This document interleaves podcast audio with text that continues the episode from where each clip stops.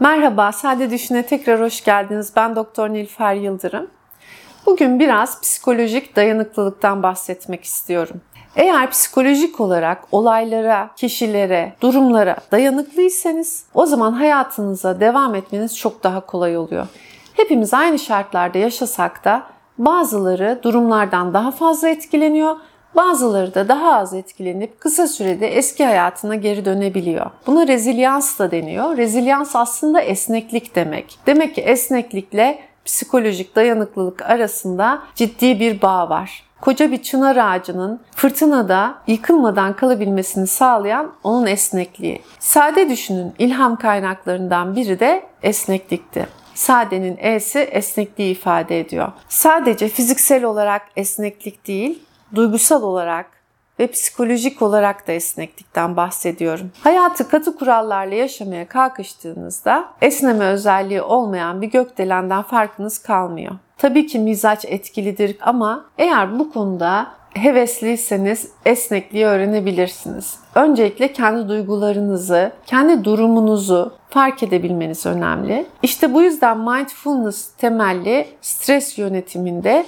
öncelikle bilinçli farkındalık öğretilir. Psikolojik dayanıklılık için en önemli faktörlerden biri de hayatınızın bir anlamı olması benim her zaman niyet diye tanımladığım hayatta yapacak işlerinizin olması, ulaşmaya çalıştığınız, gerçekleşmesini istediğiniz bir hedefinizin olması, anlam arayışını ya da niyet belirlemeyi spiritüel konulara çok da girmeden şöyle özetlemek istiyorum. İnsan yapımı, yapay zekalı cihazlar bile bir hedef gösterdiğinizde o hedefe giden yolu programlama konusunda gayet becerikliler değil mi? İşte biz de kendimize bir niyet belirlediğimizde ya da hayatın bir anlamı var ise ona ulaşana kadar olan süreci bedenimiz, ruhumuz, zihnimiz bizim için planlıyor. Tıpkı hedefe kilitlenmiş bir e, savaş uçağı gibi düşünün. Uçak hareket etse de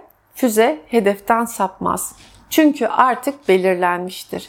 İşte bu yüzden sağlıklı olmak değil ama neden sağlıklı olmak istediğinizi, enerjik olmak değil de neden enerjik olmak istediğinizi belirlemeniz çok önemli. Zihin belirsizliklerden hoşlanmaz. Belirli bir hedef koyduğunuz zaman siz farkında olmadan bilinçaltından bile etrafta onun için ihtiyacınız olan her şeyi toplamaya devam eder ve ihtiyacı olduğu yönde, o doğrultuda, o rotada ilerler. Son olarak psikolojik dayanıklılıkta önemli olan öz denetim yeteneği. Öz denetim deyince sanki sıkıcı bir şeyden bahsediyormuşum gibi geliyor ama öyle değil. İnsan vücudu bilinen en karmaşık organizasyonlardan biri.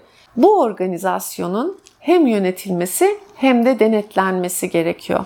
Denetlenmeyen bir organizasyonda ne eksiklikleri fark edebilirsiniz ne yanlış uygulamaları değiştirme şansınız olur.